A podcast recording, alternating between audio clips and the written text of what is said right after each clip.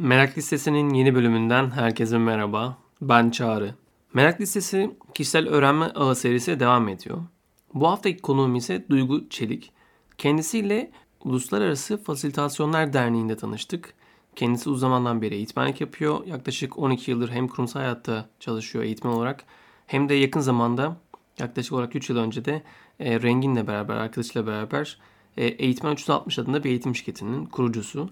Özellikle bu podcast'te kendisiyle konuşmak istedim. Çünkü mesleği gereği çok fazla aslında bildiği, öğrenmesi gereken ve bunları da paylaşabileceği, öğretebileceği hale çevirmesi gereken kişilerden birisi. Çünkü eğitmenlik bunu gerektiriyor ve bu da aslında sürekli güncel kalmayı, sürekli öğrenebilir olmayı, tekrar tekrar aslında var olan bilgileri harmanlayıp yeni bir şey ortaya çıkartmayı gerektiriyor.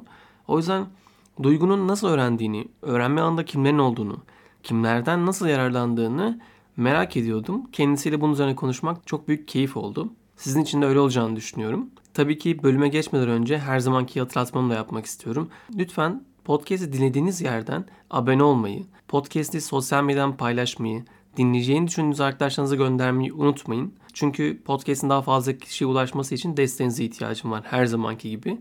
O zaman klasik hatırlatmamı yaptığıma göre hadi gelin bölüme geçelim. Keyifli dinlemeler.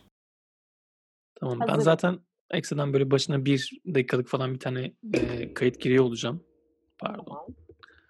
O yüzden hani o taraf geçeyim. Hazır mısın? Çat mikrofon. Vallahi vurdum ya. Biraz Bak fazla 13. Cuma'da çekiyoruz dedim. Ee, sen söyledin ben de dedim ki olsun o, bu bir şey olabilir kırılım noktası olabilir. Her şeye tersten bakmak lazım ama. Tabii ki yani mikrofon, yeni bir şey yaranabilir. Olabilir. Merak. Evet. Peşinden koşulacak şey. Peki merak ediyorum. Bu bilgiyle ne yapacaksın? Ne yapacaksın? Merak listesinin yeni bölümünde konuğum Duygu Çelik. Hoş geldin Duygu. Merhabalar, hoş bulduk Çağrı. Nasılsın? İyiyim, çok teşekkür ederim. Sen nasılsın? İyiyim ben de. Çok heyecanlı olduğunu biliyorum. Biraz önceki başlayamama durumumuzdan dolayı. Onu tekrar bir hatırlatayım dedim. ya aslında heyecanlıyım evet. Sadece bu çekim özelinde değil, o heyecan benim hayatımın her yerinde var. Bir canlı yayına başladığımda da heyecanlıyım. Ee, birinci bölümde de heyecanlıyım. 30. bölümde de heyecanlıyım. Heyecanlı olmak güzeldir deyip böyle e, bir giriş yapabilirim. Bence çok kıymetli gerçekten heyecanlı olmak. O heyecan duymak sürekli bir de. Ee, özellikle de işte hani eğitmensin, kolaylaştırıcılık yapıyorsun. Eğitmen 360'ın kurucu ortaysın. Hani birçok şey var seni anlatmak için. O yüzden hani bu heyecanı tatmak aslında ki biliyorum hani ekranın başındasın. Bu pandemiyle beraber eğitimlerde de sürekli aslında online'sın. Ama hala bu heyecan duyduğunu görmek çok güzel. Ee, konuk olarak e, davetimi kabul ettiğin için teşekkür ederim öncelikle. Biraz ben de böyle... davet ettiğin için çok teşekkür ederim. Ne güzel. O zaman peki dinleyicilerimize e, seni anlatmak için bir arkadaşına sorsak. Duygu nasıl birisidir? Duygu kimdir dese. Bize nasıl anlatır? Yani belki ben kendimi anlatsam benim için daha rahat olabilir bu konuda ama bir arkadaşımın evet. düşüncesini paylaşıyor olmak belki genel anlamda hani genellikle duyduğum e, kelimeleri söyleyebilirim. Tabii ki ilk kelime duygu olacaktır benimle ilgili. E, işin içinde duygu varsa duygu oradadır her zaman duyduğum cümlelerden bir tanesi. Coşku ve heyecan e, olmazsa olmazlardan. E, onu yine söyleyeceklerini düşünüyorum. Bir de azim ve kararlılık tarafında e, yine aldığım e, güzel geri bildirimler oluyor. Harika. Zaten böyle bir kısa açıklama ve işte hesaplarını da açıklama kısmına koyacağım merak edenlerin bakması için de ekstradan. O zaman e, asıl temamız olan kişisel öğrenme alanına doğru geçelim. Kişisel öğrenme ağı deyince sende neler canlanıyor? Şimdi aslında ben biraz işin teknik e, boyutunu ele alarak söyleyeceğim. Ben de direkt canlanan Kaizen tekniği oldu biliyor musun? Ee, biliyorum ama istersen biraz açarsan harika olur dinleyiciler için. Tabii ki. E, Kaizen Japonca bir kelime. E, kai, değişim ve zen daha iyi anlamına gelen aslında kelimelerden oluştuğu için olabilir baktığında. Yalın üretim sürecinde küçük ama etkili değişikliklerle daha iyi hale getirmeyi amaçladığı için de olabilir. Çünkü bu, bu büyük buluşları küçük adımlarla e, iyileştirmek, geliştirmek Kaizen'in temelinde yatan düşünce. Bunu insan varlığı ile bağladığımızda e, kendi öğrenme süreçlerimizi daha iyi hale getirmek için aslında bir öğrenme ağı oluşturmuyor muyuz baktığımızda? Yani, Bence hepimiz oluşturuyoruz. O yüzden ben de herkesin öğrenme ağlarını merak ediyorum. Onlar nasıl yapıyorlar diye. Çok da kıymetli bir şey yapıyorsun. Eee, Kaizen fabrika üretim süreçlerini hem daha verimli, daha yalın hale getirmeyi hedefleyen bir felsefe. Dolayısıyla kişisel öğrenme ağı da öyle değil mi? Yani hani kendi öğrenme süreçlerimizde değişimi, aslında daha iyi değişimi hedefleyerek çıktığımız bir yolculuktan bahsediyoruz. Eee, günümüz dünyasında değer yaratmayan işler çok çabuk siliniyor. O yüzden Kaizen tekniği de tam da bu noktada çok kıymetli. Kişisel öğrenme ağı dediğinde ilk aklıma gelen bu, eee, bakış açısı oldu nedense. Çok güzel. Peki kişisel öğrenme ağında kimler var, neler var, hangi kaynaklar var? Kimlerden yararlanıyorsun? Yani Şimdi, Kaizen tekniğini emm öğrenmiş olduk. Başka neler var? Bize verebilirsen örnek Kişisel olarak. öğrenme ağında, eee, kimler var, neler var? Eee, kişisel öğrenme ağında aslında benim için öncelikli, eee, 2011 yılından beri tanıştığım, son 3 senedir de, eee, iş ortağım olan Rengin. Kişisel ağımın önemli, emm, ve etkili olduğuna inandığım, hem deneyimine hem eğitmenliğine hem fasilitatörlüğüne inandığım biri. Onun haricinde şimdi ben 12 senedir eğitim sektöründeyim ve, eee, aslında hem üniversitenin, eee, sürekli eğitim merkezi tarafında hem, eee, Türk bir eğitim şirketinde ve son olarak da global bir eğitim şirketinde, eee, bulundum. Dolayısıyla aslında hem akademik kadroda uzman hem, eee, Türkiye'de gerçekten içinde bulunduğumuz sektörde iyi eğitimler veren kişilerin hem eğitimlerine girme hem bire bir onlarla diyalog içinde olma fırsatım oldu. Böyle durumlarda ilk heybemde baktığımda hem akademik kadroyu hem, eee, bu eğitim şirketlerinde tanıştığım, uzmanlık alanına inandığım, güvendiğim, eee, kişiler diyebilirim. Harika. Belki böyle, eee, bölümün sonuna doğru kapatırken de bize birkaç isim de, eee, verebilirsin belki de takip etmek için örnekler. Onu o zaman sorayım diye cebime koydum şimdilik. Şeyi sorayım, yani, bahsettiğin gibi 12 yıldır aslında eğitim sektöründesin. Yani eğitim tasarlıyorsun, uyguluyorsun, toplantı kolaylaştırıyorsun, kolaylaştırıcılık yapıyorsun. Sürekli toplantılar halindesin bir taraftan da işin gereği ve şirket yöneticileriyle, İK'larla sürekli ihtiyaç analizleri hazırlıyorsun, tasarlıyorsun, uyguluyorsun. Yani bu süreçleri düşündüğün zaman aklına gelen, eee, en önemli öğrenme deneyimin ne oldu? Bu nasıl gerçekleşti? Bizle paylaşabilir misin? Çok güzel bir soru. Gerçekten, çok teşekkür ederim bu soruyu sorduğun için. Çünkü, eee, bu öğrenme deneyimi benim hayatımda bir kırılıma yol açtığı için bunu paylaşmak, eee, dinleyicilerle beni de çok mutlu edecek. O yüzden, eee, güzel bir soru olduğunu da düşünüyorum. Biraz önce söylemiştim, eee, global bir eğitim şirketinde çalıştım daha önce. Çalıştığım dönemde aslında kurumlarla yaptığımız kapsamlı projelerin bir bölümünde yer alıyorduk. Yani, bir kurumla ilgili uzun kapsamlı bir proje yapacaksak bunun sadece bir bölümünde ve, bir kısmında yer alıyorduk. Tabii ki global bir şirket, global bir know-how. Türkiye'de bulunan, eee, ve global know-how'u olan diğer eğitim şirketleri de bu projenin içerisinde yer alabiliyordu. Yaptığımız bir projede örneğin, hani, bir liderlik projesiyse bir kısmını bizim verdiğimiz, diğer kısımlarını da başka bir know-how'un verdiği bir süreçle ilerliyordu. E, şimdi global şirketlerin know-how gizliliği var biliyorsun. Evet. Eee, bu know-how gizliliğini çok, hani, paylaşma tarafında bunlarla ilgili yapılan sözleşmeler var. Dolayısıyla, hani, paylaşma, güçlükleri var.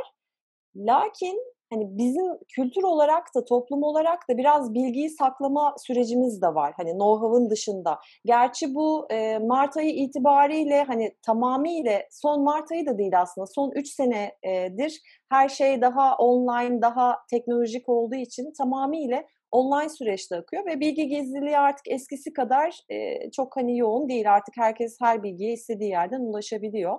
Ben tabii bunun bir 4-5 senesi öncesini söylüyorum şu anda. Ama orada şey, yani, Cem Yılmaz'ın şeyi vardı, yani, "Bu bir maket, maketi hep beraber yapacağız." diyordu. "Şunu yapıyoruz, bunu yapıyoruz. A, burada hazırı vardı." şeyi gibi, hani, şu anda da aslında genelde paylaşılan know-how'larda. O yüzden, hani, genelde hâlâ bilgi bir bence gizli kalıyor. Çoğunluk paylaşılmıyor gibi. Geliyor bana.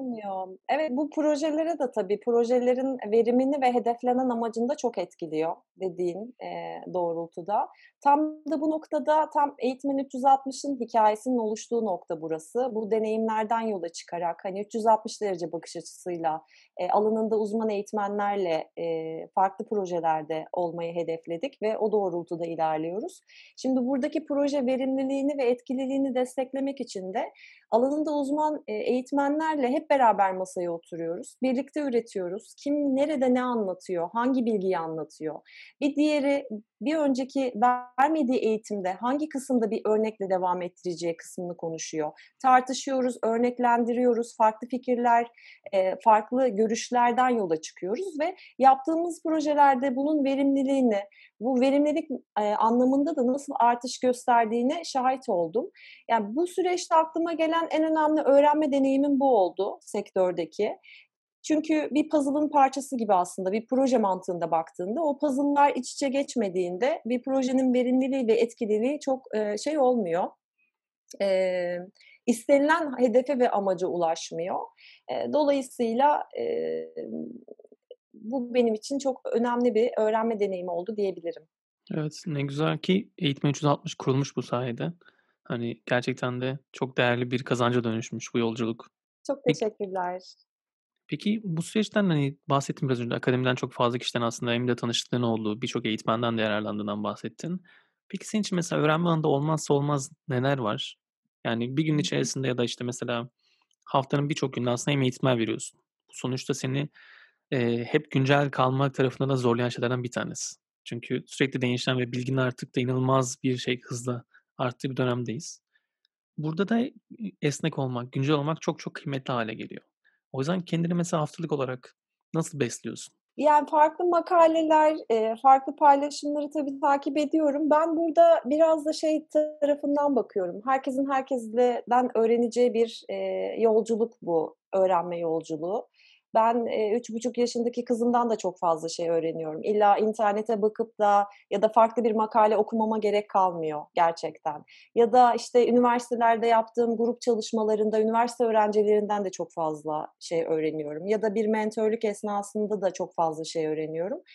Eee, eğitim verirken de, fasilitasyon yaparken de çok fazla şey öğreniyorum. Bir konu özelinde olduğu zaman tabii ki bununla ilgili, eee, bilgisine, tecrübesine inandığım insanlar, eee, var. Hani, onların paylaşımları, onların makaleleri benim için çok önemli. Ben bunu biraz daha, böyle, genel bakış açısıyla değerlendiriyorum ve herkesin herkesten, eee, çok fazla şey öğrendiği bir süreçteyiz. Bir de teknoloji çağı son, eee, dönemde, son 1 senedir, eee, aslında bilgiyi her yerden öğrenebiliyoruz diyebilirim. Evet ama bu bilginin her yerden öğrenilmesi de bizi bazen, eee, yanlış bilgilerle çok fazla zorlayabiliyor ya da, eee, aslında o dediğimiz, hani, birbirini öğrenme durumunda da aslında bizi çok fazla zorlayabiliyor. Çünkü aynı bilgilerden, eee, olduğu yerden kalabiliyoruz ya da bazı bilgiler gerçekten internete ilk baktığımızda özellikle Google'un ilk sayfasını arattığımızdaki bilgilerin çoğu yanlış bilgiler ya da bazen bilerek saptırılmış, bazen doğrunun sadece küçük parçaları. Bunları mesela nasıl alıp da bir kendine öğrenmeyi dönüştürüyorsun? Şöyle, eee, hani, senin de üyesi olduğun bir grup var biliyorsun, Uluslararası Fasilitasyon Derneği. Bizim yaptığımız işte global bakış açısı da çok önemli. Tabii ki bunu yaparken Türk kültürüne uyarlamak ve buradaki sürece entegre etmek de önemli. Eee, Uluslararası Fasilitasyon Derneği, hani, dünyada neler oluyor, gerçekten herkes neler yapıyor tarafında beni inanılmaz besliyor. Oradaki fasilitatörler, eee, aynı zamanda eğitmenler, kendi know-how'u olan, eee, gruplar da var ve bu dünya genelinde olunca beni gerçekten hem Twitter'dan takip ettiğim hem, eee, farklı sosyal medya mecralarından takip ettiğim, LinkedIn'de pa eee, paylaşımlarını takip ettiğim isimler var tabii ki. Farklı ülkelerden olabiliyor. Bunlar makale yayınlayabiliyorlar. Bu biraz da aslında, hani, dünyada neler oluyor, global bakış açısında, eee, biz Türkiye olarak, eee, eğitim tarafında neredeyizi görmemi sağlıyor ve inanılmaz besliyor diyebilirim. Özellikle de son dönemde teknoloji anlamında burada belki başka bir uygulama yaparken orada, eee, bambaşka bir teknolojiyle karşılaşmak ve oradaki etkisini görmek, katıldığım bir online toplantıda, eee, bambaşka bir etkisini görmek, onu yine buradaki Türk kültürüne uyarlayarak vermek beni besleyen şeyler şeylerin başında geliyor. Özellikle bu dönem için söylüyorum.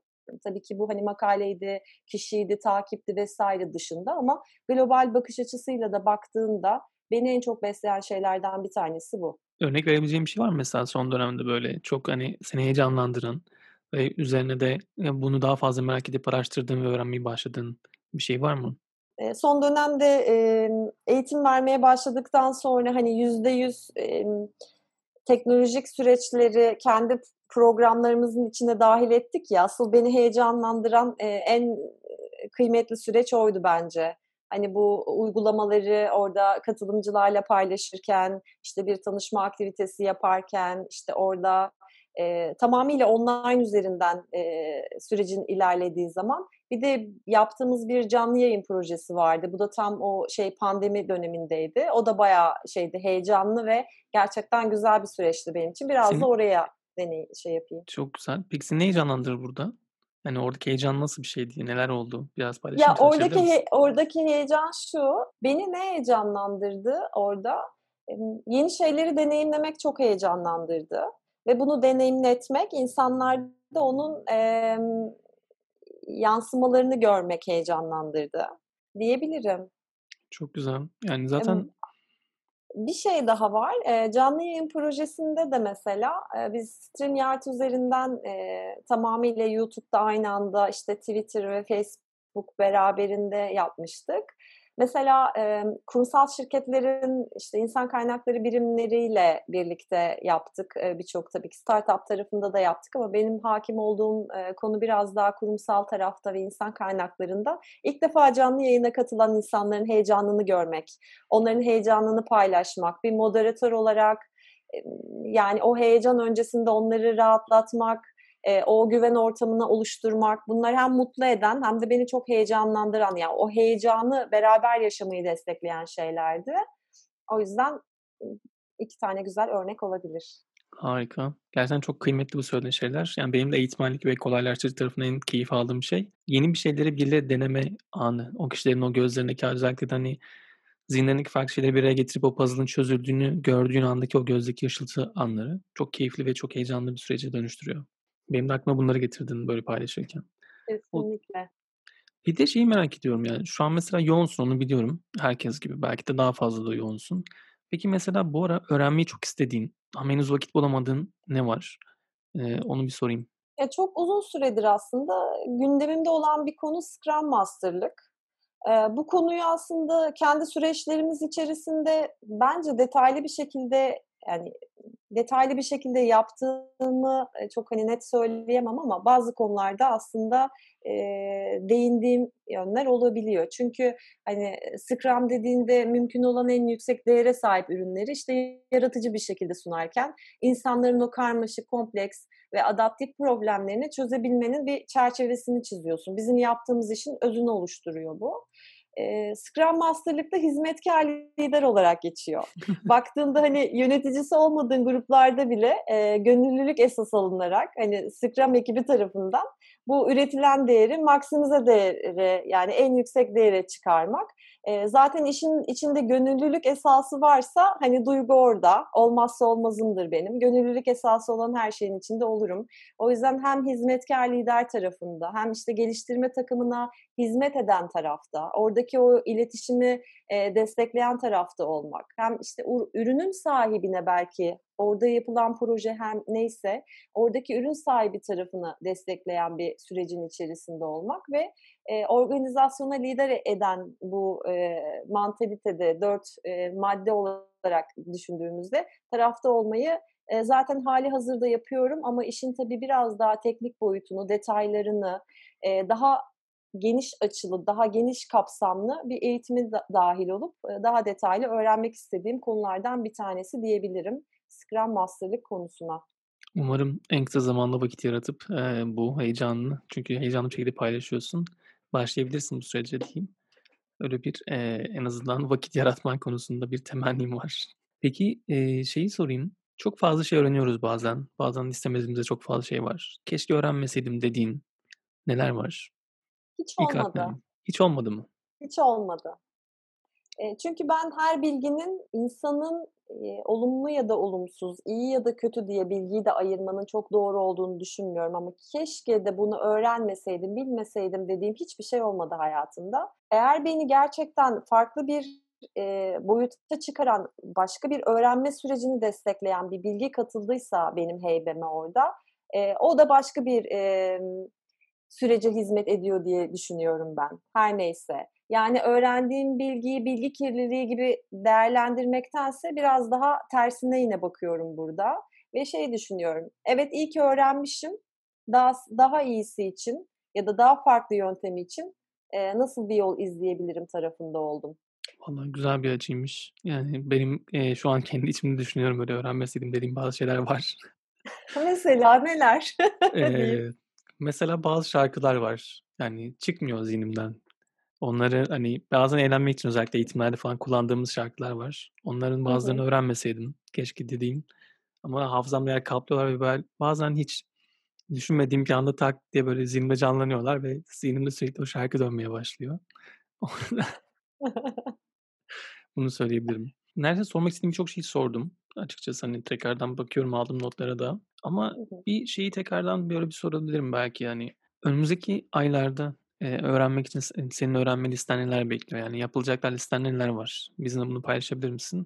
Biraz da böyle paylaşırken de senden şöyle bir ricam olacak. Biraz da bize öğrenme alanında kimlerin olduğunu gösterecek şekilde olabilir mi? Yani kimler var, hangi kurumlar var ya da hangi neleri takip ediyorsun? Bunları nerede öğrenmeyi planlıyorsun? Aslında ilk konu çocuk gelişimi konusunda öğrenmek istediğim birçok konu var. Kişisel öğrenme ağımı paralel ilerliyor çünkü hem çocuklarla ilgili farklı projeler yine gönüllülük esas alınarak e, yapmak istediğim şeyler var ama önceliğim tabii ki öncelikle bir anne olarak kendimi kendi hayatımı kolaylaştırmak için çocuk gelişimi konusunda neler yapmam gerektiği konusunda özellikle hani bu alanda e, üzerinde duruyorum.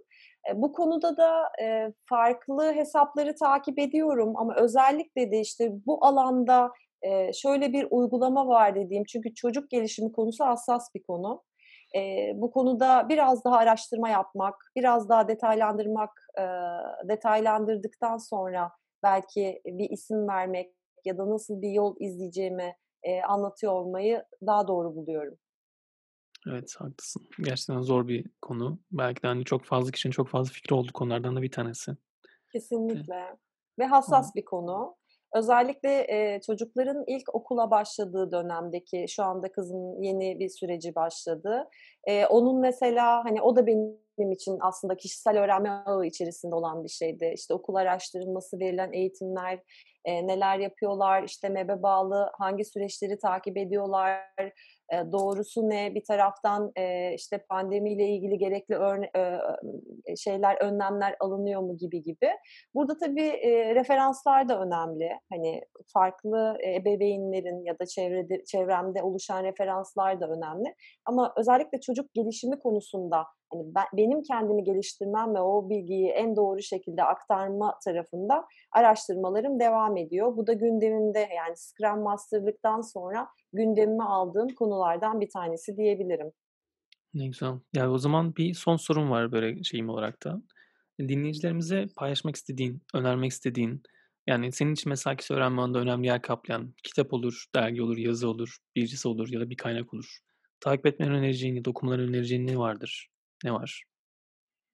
İş hayatına ilk başlayanlar için ben mesela e, Stephen Covey'in Etkili İnsanların Yedi Alışkanlığı yani yaklaşık e, 10 sene önce hayatımı gerçekten hani keşke daha öncesinde okusaydım dediğim kitapların başında geliyor. Bunu yaptığım eğitimlerde de hani konuşmalarda da her zaman söylüyorum. O yedi ilkeyi kendi hayatımız e, içerisinde e, adapte ettiğimizde gerçekten hani keşke herkes yapsa dünya değişir. Hani sadece şey anlamında ülkemiz anlamında değil bütün dünya değişir diye düşünüyorum. İlk başta verebileceğim o. Bir de Eckhart Tolle şimdinin gücü. E, anda kalmayı her zaman e, dilimle pelesenk etmiş biri olarak anda kalmanın önemini, şimdinin gücünü e, ve anı yaşamanın hani gelecek Tamam orada bizi bekliyor. Geçmiş yaşadıklarımız. E, ama o hani hem geçmişin gürültüsü hem geleceğin kaygısı değil. Şu an ben ne yapıyorum? e, şimdi neredeyim tarafı e, gerçekten çok kıymetli diye düşünüyorum.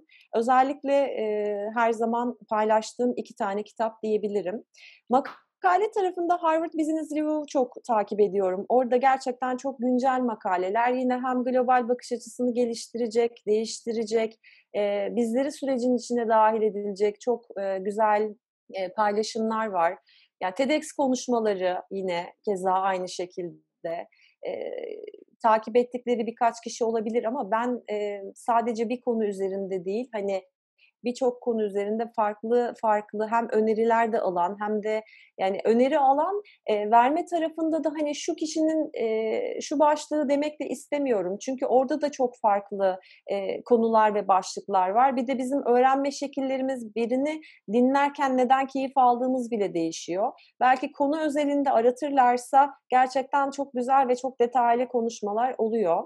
E, aklıma yani gelenler ben bunlar. harika. Yani bu zaten TED'in mesela ben e, bültenine aboneyim.